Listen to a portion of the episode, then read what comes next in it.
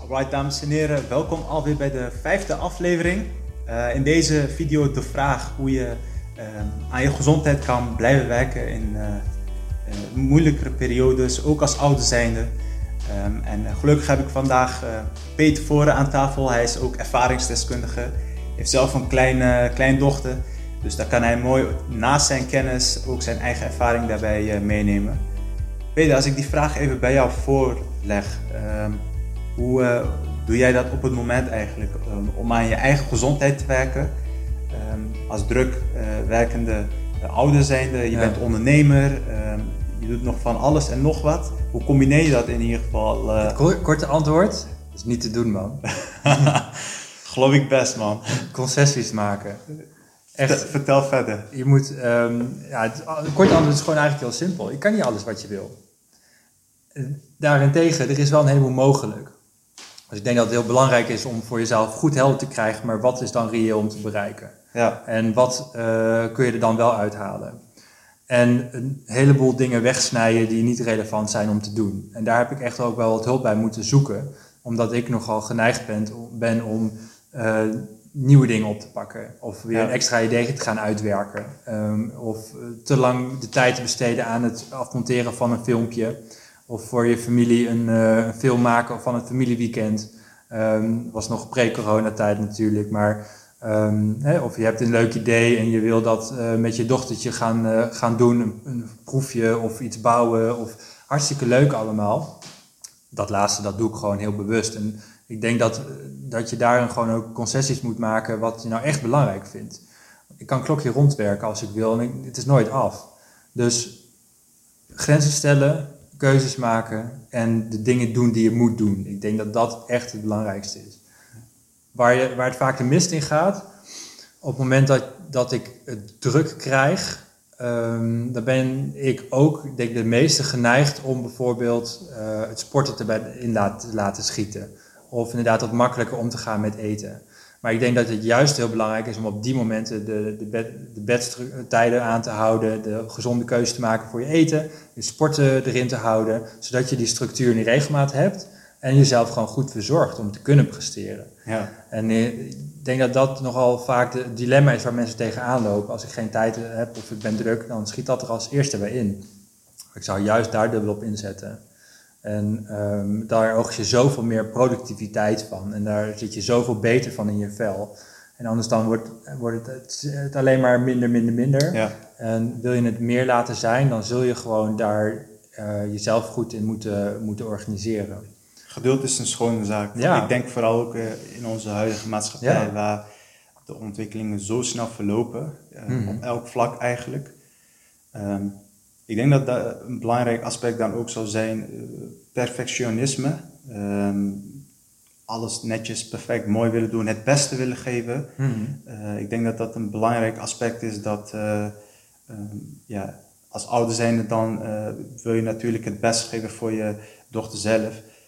maar daarbij is het denk ik ook belangrijk om eens dat om te draaien naar jezelf. Dat als je jezelf niet op nummer 1 durft te zetten en als prioriteit durft te zetten, um, dat je dan uh, niet optimaal verzorging uh, voor jezelf mm. gunt, als het ware. Ja.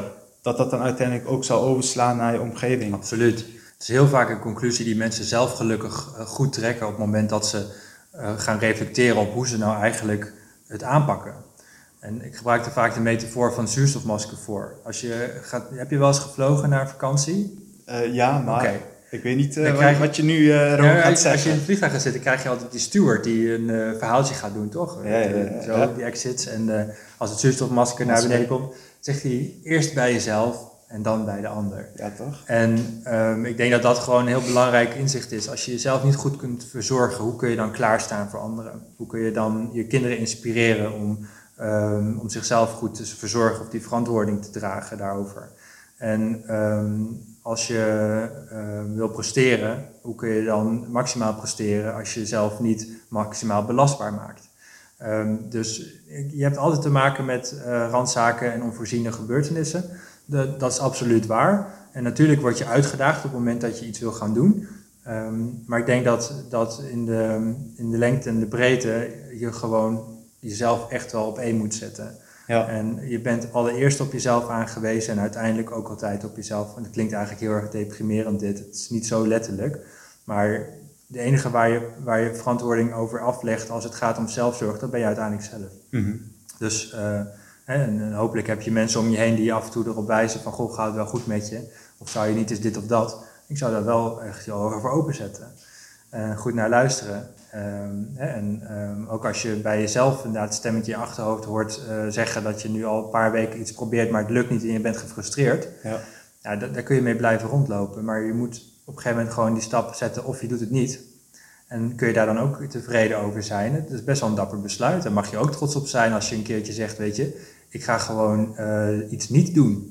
Ja. En um, ik eh, neem afscheid van een idee wat ik heel graag had gewild, maar dat lukt niet. Ik wil wat anders doen wat me meer energie geeft of wat belangrijker is op dit moment. Ja.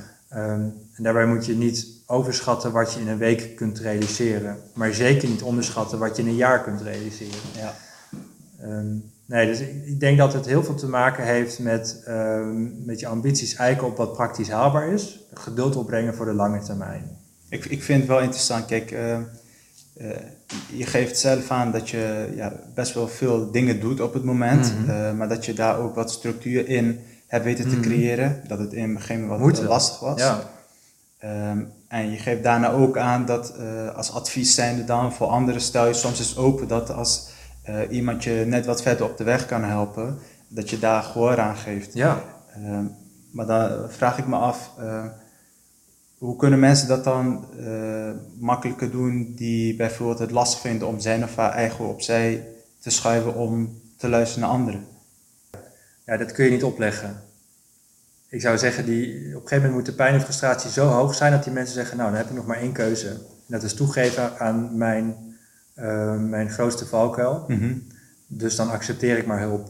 Ja. En um, ik denk dat dat ook um, leerproces is wat mensen zelf moeten ontdekken.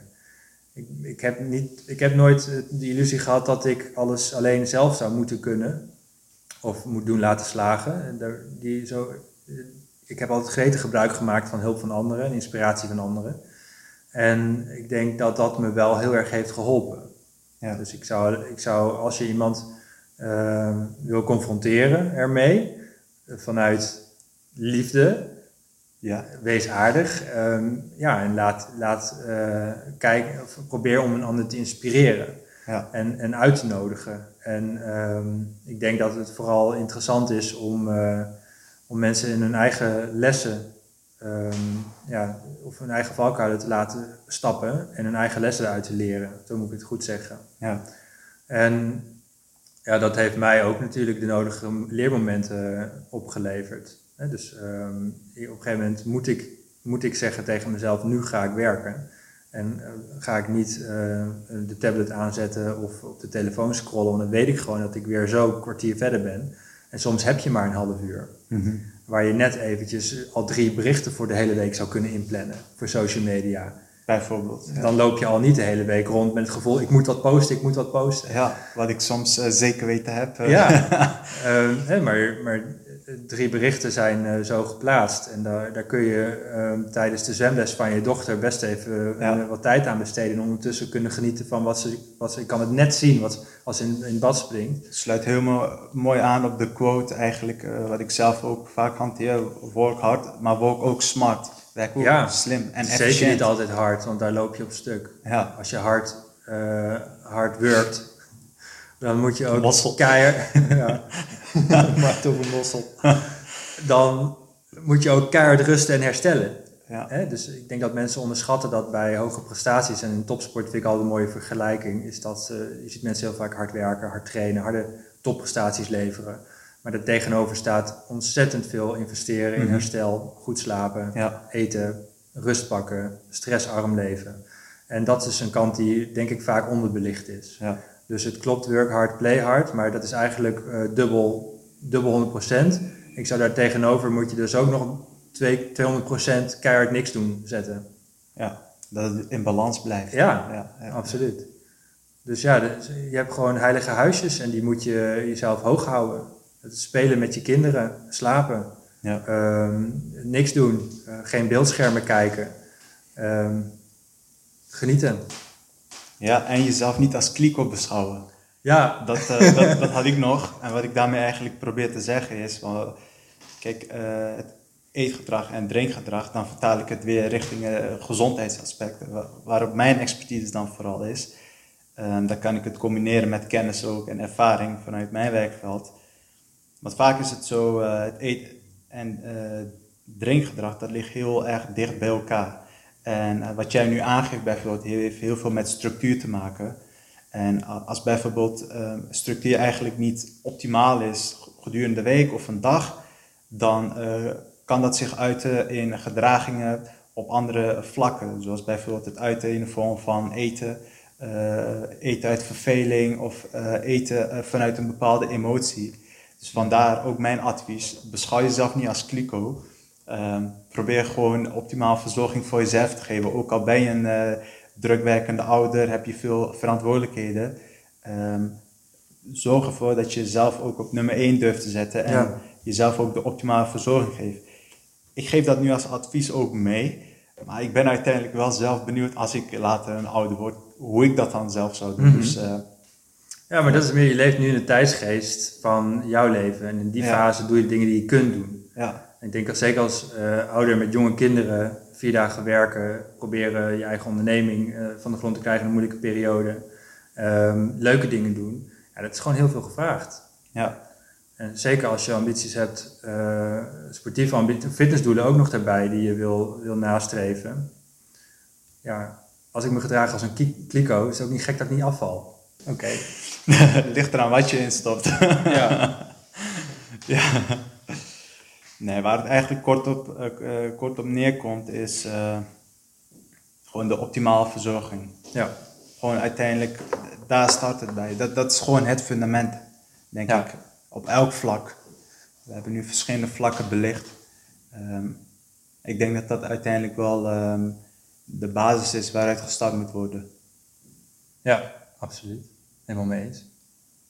Ik ben benieuwd nogmaals straks... Uh, als het uh, zover is dat ik ouder ben, kijken hoe ik dan zal uh, reageren. Mag je, dan mag je voor je fitnessdoelen bij mij komen. Maar ik denk, ik denk wel, ik ben oprecht van mening, omdat ik nu zeg maar op jonge leeftijd al hiermee bezig ben en uh, wat langer stil bij sta en al zeg maar ervaring bijvoorbeeld vanuit jouw kant, maar ook mensen die je coach die ouder zijn, die ja. kinderen hebben, drukwerkende ouder zijn. Um, dat dat wel veel in mijn uh, voordeel zal werken, zeg maar, ja. voor de latere termijn. Ja. Maar wat we ook in vorige afleveringen hebben behandeld.